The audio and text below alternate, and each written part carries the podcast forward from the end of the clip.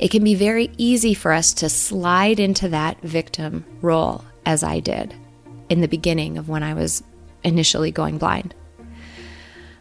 But I want to offer up the other side of that coin, or another way to think about it, which hopefully, if you're ever in a position, or let's just be honest, when you're in a position when life hands you some adversity, I hope you'll remember this episode and I hope you'll remember the second half of the story, which I'll tell you in a moment, and know that you have options and there are things that you can do no matter what adversity is thrown at you.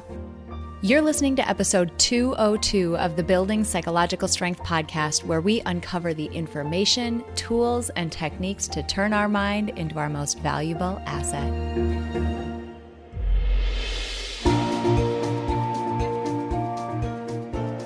The courage to face fears with persistence. Being able to be present enough in this moment to choose my response thoughtfully. We have the strength to bend to life stressors, to bend to adversity without snapping, without breaking. There are only six things that contribute to our quality of life, and they are all experiences. In every moment, we are deciding who we want to be and how we want to live our lives. Noticing what your brain is doing and then being able to make choices. Mobilize the things that we know lift us up. Hey, everybody, welcome back to the Building Psychological Strength podcast. My name is April Seifert, and I'm your host. Today, I want to open this episode by telling you a story that I don't think I've ever told on the podcast before. That's actually pretty amazing since I share quite a bit about myself on this podcast, but I don't think I've gone into detail about this particular story. And I wanted to do so today because I think it is an interesting introduction into the topic that I want to cover uh, for the majority of this episode. So bear with me and listen to this quick little story from my past. Many of you know that I have multiple sclerosis. I was diagnosed when I was about 13 years old, which is extremely young. And I've lived with it for uh, over 25 years of my life. I've had a number of experiences as a result of having MS, but one of them that I want to share with you today is the first time that I went blind. I've actually gone blind twice. Each time, thankfully, it was in only one eye. Uh, but the first time I went blind was a really interesting situation that I want to dive into a little bit today because, as I mentioned, it sets up today's topic really nicely. So, for those of you who may not be familiar, multiple sclerosis is an autoimmune condition. So, my immune system is a little bit hypervigilant and it attacks my body. More specifically, it attacks the myelinated nerves in my central nervous system. You can think of myelinated nerves as uh, the wiring that's in your house. There is a wire with some uh, some insulation around it. My similar to that, we have nerves in our central nervous system with myelin around them. Myelin is the insulation that allows electricity or nerve responses to flow cleanly along a nerve instead of sort of um, jumping over to other nerves or haphazardly firing around in our brain, it allows those impulses to move more cleanly. So when the myelinated gets scarred, so multiple sclerosis actually means many scars. When our myelin gets scarred in our central nervous system, it can cause issues and deficits. And one of the things that I experienced was blindness. So, this to give you some context, I was about 14 years old or so, and I woke up one day and I noticed that I was starting to see double vision when I would look way to the periphery of my left eye. So if I looked way to the left, my vision would go double the further to the left my eyes would go. And I thought this was really strange, but you know, at this point in time, my MS was not regulated. I wasn't, I hadn't been on medication for very long, and I was really used to things, very strange symptoms happening. And so I didn't think much of it. Now, over the course of the weeks that followed, it took about a month for me to lose my vision entirely in my left eye. Um, I increasingly had very strange visual effects. So the double vision worsened. I didn't have to move my eyes very much anymore for that double vision symptom to happen. I also had incredible pain behind my eye. I later learned this was my optic nerve swelling up. Who knew? That's a thing, apparently. Optic neuritis is what it's called. Anyway, I had some pain behind my eye, and the edges, if you think about the thing that I remember most is looking at leaves on a tree where there's a lot of detail, right? Each leaf is very, it's a little tiny detail on the tree, and they have very sharp edges, and the edges of branches are very like sharp lines. Those would almost, this is the best way that I can describe it, sparkle kind of. They were blurry and they were sparkly, and it made it really hard for me to see detail. Those symptoms progressed and progressed and progressed to the point where I couldn't see anything out of my left eye. We're talking if I closed my right eye and completely shielded it from any light, if I went into a room, I didn't know if the light was on or off. I actually went into the doctor Side note, this is just a funny story. Uh, I went into the doctor and they did uh, what's called an EEG, where they take this big electrode cap and they glue all these electrodes to your head. And then they have you do a task and they measure your brain activity. What they were looking for is if we flash lights at her left eye, do we get any brain activity? Meaning, like, is anything getting in there? Um, the nurse, love her, poor thing. She put this whole cap on my head, glued all these, you know, dozens of electrodes to my head and then she flipped open this computer and they had my right eye uh, completely blocked off. And she said, Okay, look at the screen.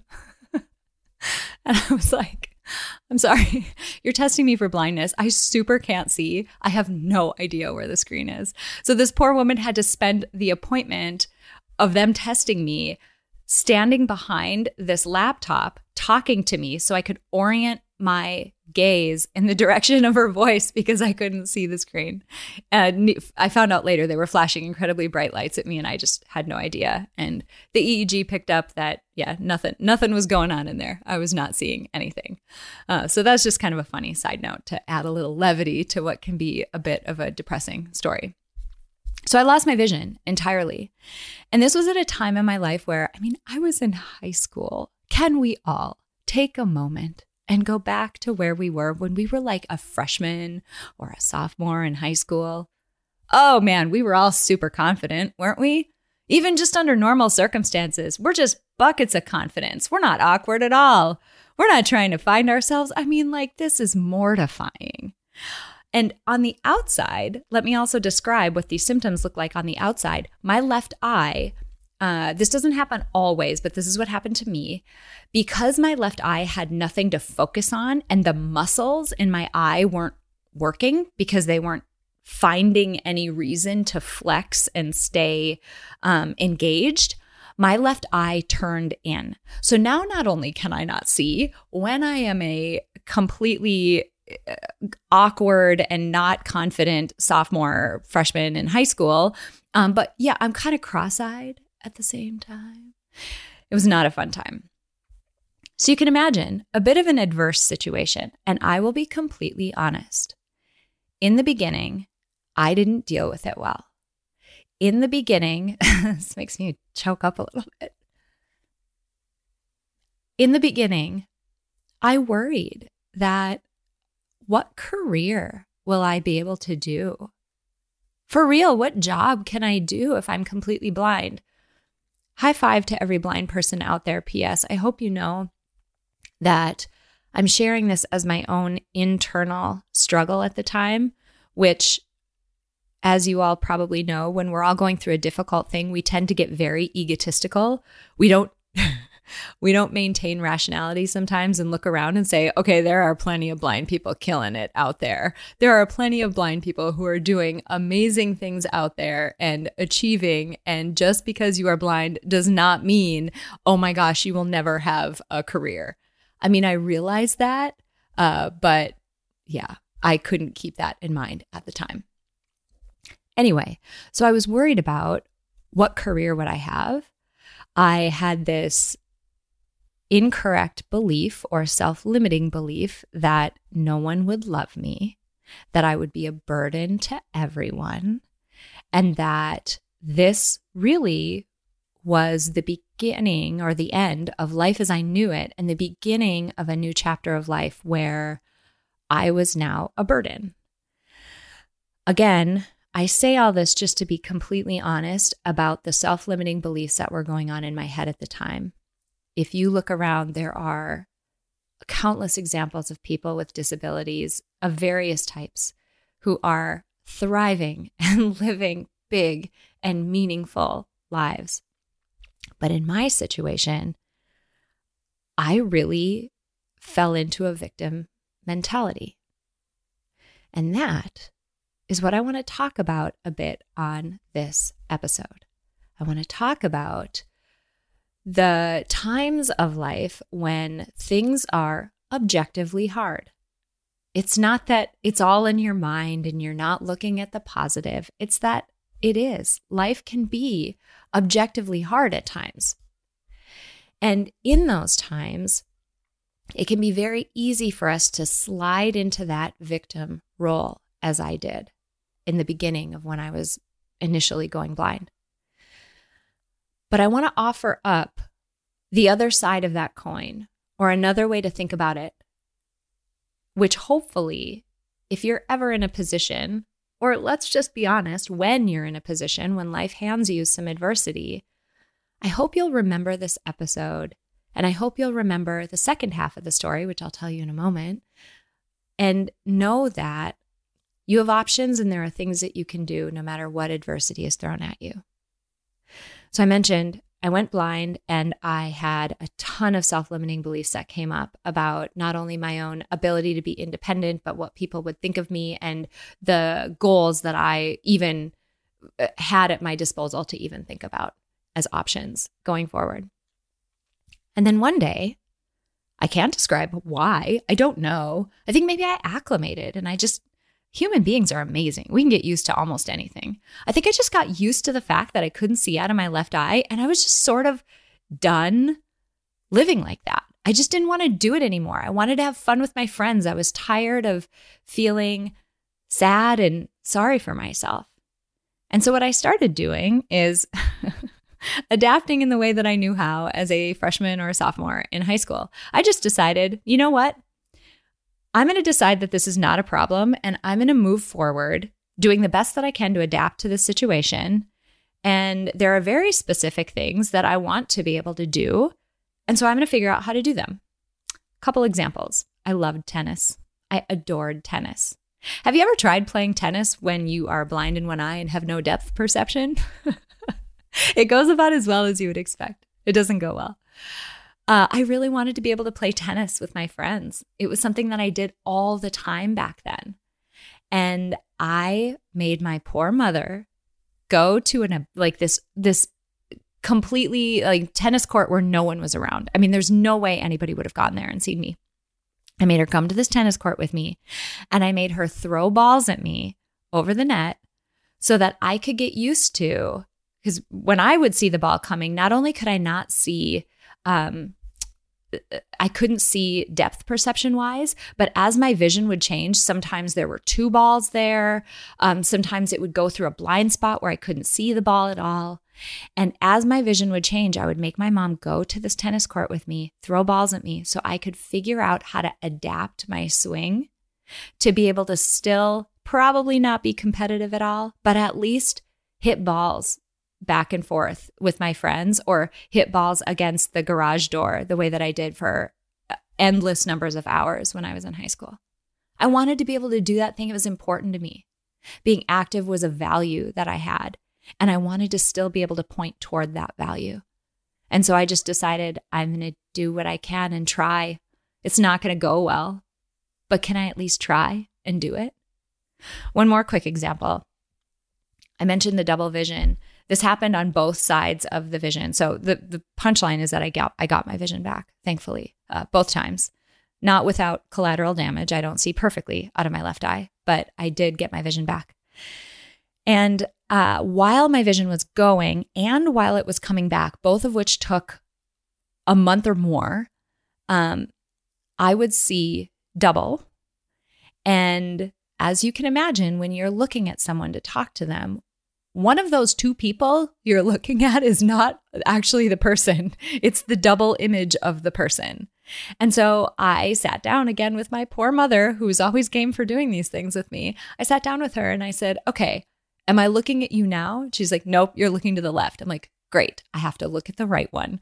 The right image of the person is always them. So I could look people in the eye. I wanted to portray that I was confident. It was important to me. So as we move into this week's episode, it's kind of a long intro, but I hope that story was helpful in contextualizing this. I want you to think about a time when you've gone through adversity. I want you to think about a time when maybe maybe you've like a like a good one, like a decent one, not just oh shoot, I'm stuck in traffic. The example that a lot of people give. I'm talking like some real adversity. Maybe you were laid off. Maybe someone died and you were grieving. Maybe a relationship ended or something really didn't go your way. I want you to put yourself back in that position. And I'm asking you to go there because I want you to think about this, the content of this episode, in the context of real difficulty, like real difficulty, not the kind that you can just decide you're not going to pay attention to and look on the bright side. That's not what we're talking about here. We're talking about the real challenges that we face in life. Stop for just a moment and think about everything on your plate. Think about all of the people who rely on you for support and all of the things you do for them. It can feel overwhelming at times. It's time to start taking care of you. The thing is, I'm sure you've heard that. I'm sure you've heard that self care is important. But most of the talk about self care that you hear focuses on things like bubble baths and manicures. And I don't know about you, but I have never had a manicure good enough to help me feel calm, balanced, and at my best on a daily basis. The truth is, most people miss the key goal of your self care routine to support you in being your best. A true self care routine is designed to put you in a position to show up as your best on any given day. It's not haphazard or based off of some Instagram photo. It's not a carbon copy of anyone else's morning routine, and it shouldn't be guilt ridden. Rather, a self care routine is one that you feel good about doing, that fits into your life, and that's designed to get you a specific outcome. You feeling your best on most days. To help you do just that, we're excited to introduce our newest Peak Mind program, Self Care by Design. This program will take you through a step by step design process specifically tailored to help you get a clear picture of what you look like at your best. That's what we're designing for, after all. To rid you of the guilt that keeps so many of us from prioritizing ourselves, and to design a routine that actually works for you. At just $29, this program is an absolute no brainer for anyone who's ready to support and prioritize themselves and their relationships with others around them. What would it feel like to show up as your best on most days? How would your most important relationships improve? How would your life improve? Visit peakmindpsychology.com backslash self-care to get all the details. It's time to make yourself a priority. Head over to peakmindpsychology.com backslash self-care, get all the details, and enroll today. A lot of people and a lot of advice out there says when things get adverse, just look look on the bright side, look for the positive. And we've talked about this a number of times on the podcast, but in this context, I want to bring it up again because when we tell people just look on the bright side, it completely invalidates what is likely real adversity, a real experience that that person is going through. And so don't you dare even tell yourself to just ignore it and just look on the bright side. Because likely the adversity you're facing, it's it's actually there. You're not making it up. This isn't hard just because you're weak. This is hard because it's just hard. When I was going blind, I, I wasn't, you know, feeling low and it wasn't difficult just because I was a weak person. Was difficult because it's freaking hard to go blind. It's hard. There's a lot of adaptation that it requires. And that's the same thing for any of the examples that you're probably thinking about right now. But what I want to talk about a bit is, you know, when we move into the victim role, when we move into the role of seeing ourselves as um, a victim of our circumstances, it can put us, and this is, like I said, exactly what I did initially when I went blind. It can put us into the mode of reacting instead of acting, responding really rapidly, automatically, responding without intention, living without intention. And if there's anything that I encourage people to avoid, it's to avoid living without intention, without thinking at all about what our next steps might be. In episode 193, I talked quite a bit about the five principles of life design. And one of those principles is one that I want to talk about today. And that is the principle of radical responsibility. So, this is taking 100% responsibility for 100% of the situations you find yourself in. This includes sophomore April going blind. Because radical responsibility, it is not asking whether you're at fault for or to blame for, or whether you enjoy or appreciate or agree with the situation that you're in. You can bet your, I'm not going to swear, but you can bet your something that I didn't appreciate the situation that I was in. It wasn't my fault. I wasn't to blame for it. Uh, I didn't agree with it. I was not having a good time. But as I looked forward, I was responsible for what I did from there. Radical responsibility is not backward looking, it's forward looking. Radical responsibility is not reactive, it is active and intentional. So I want to ask you to try on that mindset in the context of whatever adversity you thought about as I was telling my April Going Blind story. Think about what it would mean to take a more active stance, a more intentional stance. Think about what it would mean to be in that adverse situation. Okay, I, I can't see objectively. I have objective EEG data that tells me I cannot see. I am not making this up. Can't see. Let's be honest about the situation we're in. Let's be mindful of it, is another way of saying it, or connect to the present moment. Let's just state the facts and let's acknowledge what's happening with it. But acknowledging it does not mean that in this moment, when we're trying to decide what the next best step is, Acknowledging the circumstances we're in doesn't mean that we let them hook us. It doesn't mean that we let we begin wrestling with them. We've given this example a number of times on the podcast, but it's worth it here. Imagine all of those thoughts and feelings, and for me, those self limiting beliefs about being unlovable and a burden and all of that.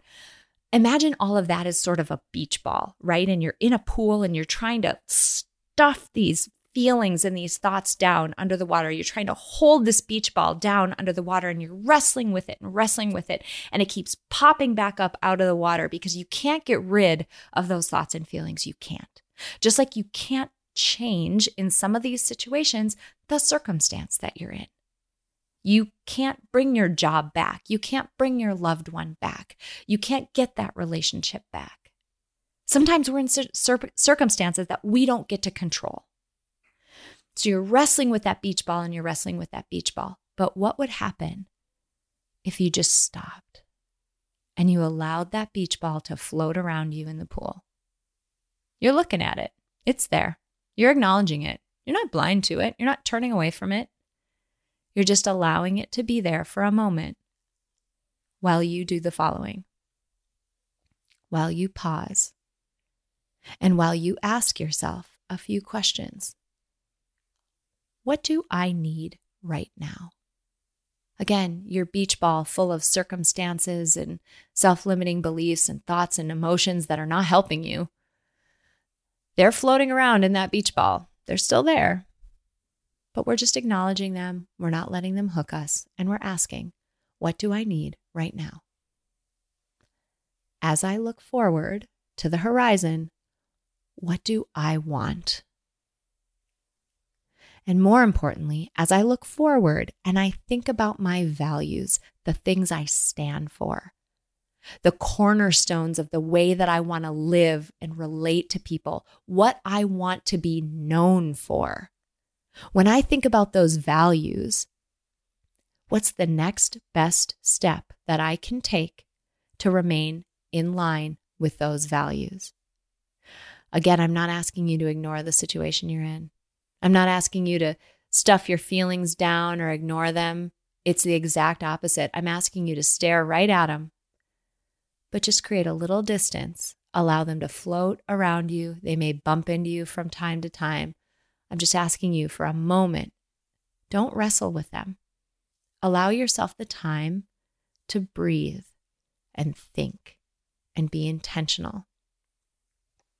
I came across this amazing stoic uh, philosophy recently. I, if you, gosh, I don't make any money off of, um, I'm not like a real affiliate for his app, but Sam Harris has an incredible mindfulness and meditation app called Waking Up.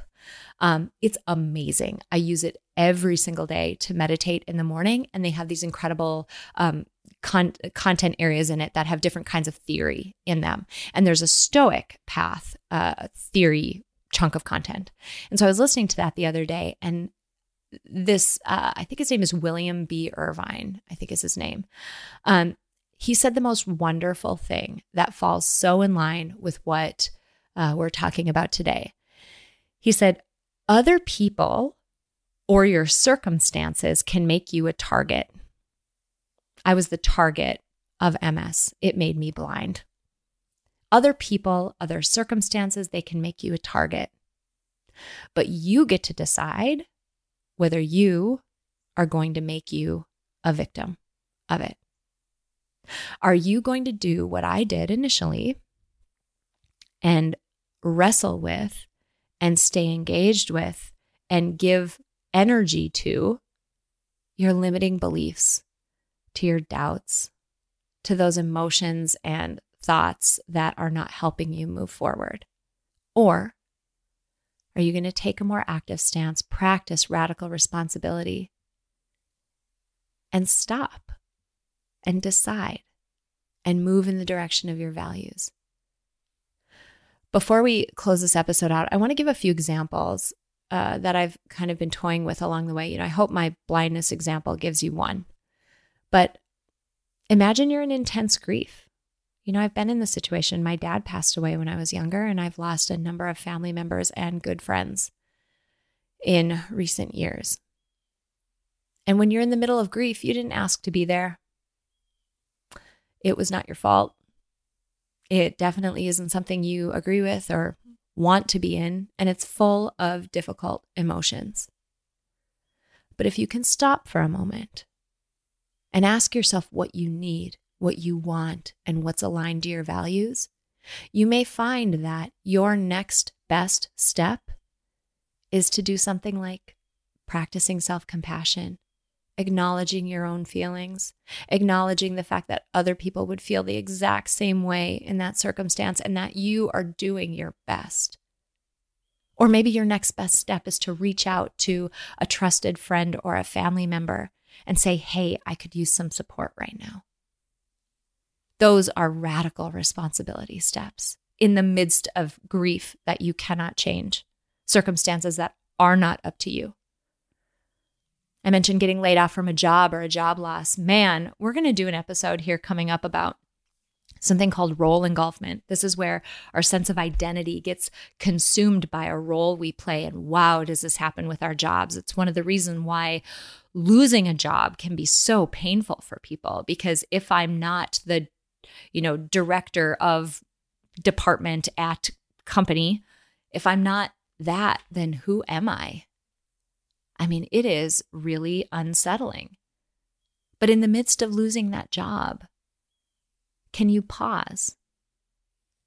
Can you reevaluate your career direction? Ask yourself the questions that you can't ask yourself when you're heads down working in a job and the path is provided for you. Can you reevaluate your strengths and what you think would be exciting to do with this next step? And put yourself in a position to hunt for the next job that's even better and even more aligned than the one you don't have anymore. And last, I gave the example of a relationship ending. Let's say it's a really big romantic relationship. Maybe you got a divorce or a relationship ended. Can you pause? Can you practice some self compassion? Very similar, you're, you're in a grief state. Can you reflect back and think about what you can learn from that relationship? And how might you reconnect to yourself? Those are all acts of radical responsibility, taking responsibility for what you do now, even in circumstances that you didn't choose to be in and are, are not your fault, that they're there. But this notion of practicing radical responsibility, being a target, but deciding you're not going to be a victim. It's one of the most important things that I've learned to do in my life. And oddly enough, it was the most difficult life ex- life circumstances that taught it to me. So I think sometimes when people hear me talk about radical responsibility, they'll think that, you know, somehow maybe I don't know what real adversity is, or I can't possibly be talking about the most difficult times of life, but I am. It was those difficult times of life that taught me how important it is to pause and reflect and intentionally take the next step. And that is exactly what radical responsibility is at its core.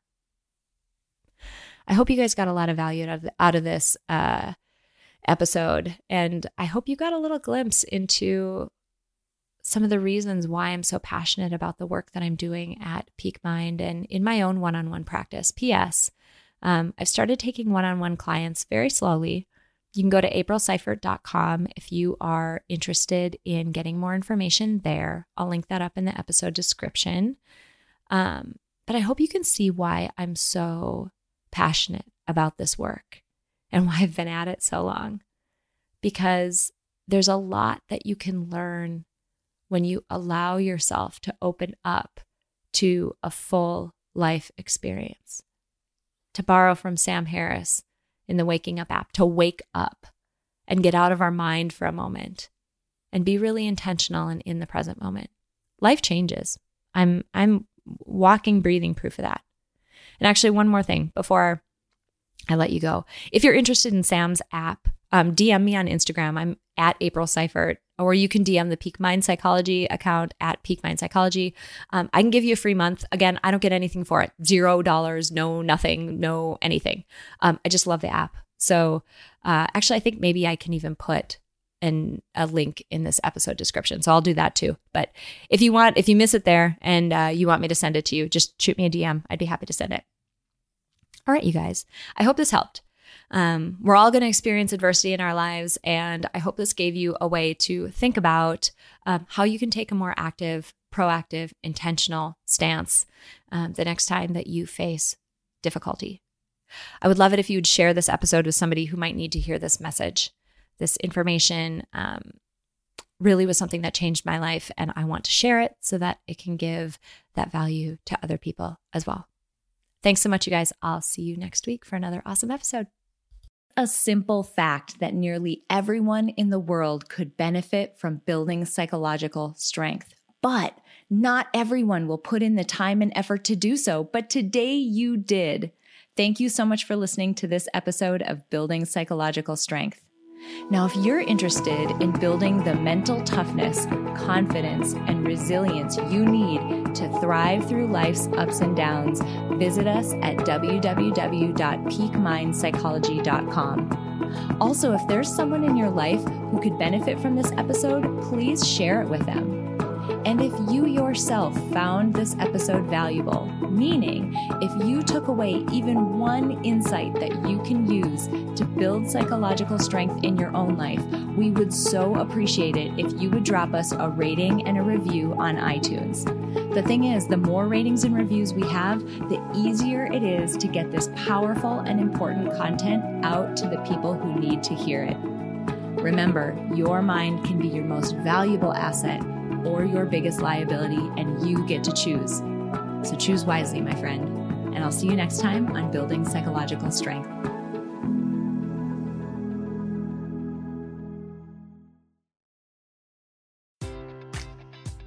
Enjoy all your favorite sports like never before at BetMGM. Sign up using code CHAMPION and receive up to $1,500 back in bonus bets if you don't win your first bet. When you register with BetMGM, you'll get instant access to a variety of parlay selection features, live betting options, and the best daily promotions in the business. And with BetMGM at your fingertips, every play and every game matters more than ever. Remember to use code CHAMPION and receive up to $1,500 back in bonus bets if you don't win your first bet. Place your money line, prop, or parlay bets with the king of sportsbooks today. BetMGM and GameSense remind you to play responsibly. See BetMGM.com for terms. 21 plus only. Virginia only. New customer offer. Subject to eligibility requirements. Rewards are non withdrawable bonus bets that expire in seven days. Gambling problem? Call 1 800 Gambler. Promotion. Promotional offer not available in Washington, D.C. At Parker, our purpose is simple. We want to make the world a better place by working more efficiently, by using more sustainable practices, by developing better technologies. We keep moving forward. With each new idea, innovation, and partnership, we're one step closer to fulfilling our purpose every single day. To find out more, visit parker.com/purpose. Parker, engineering your success.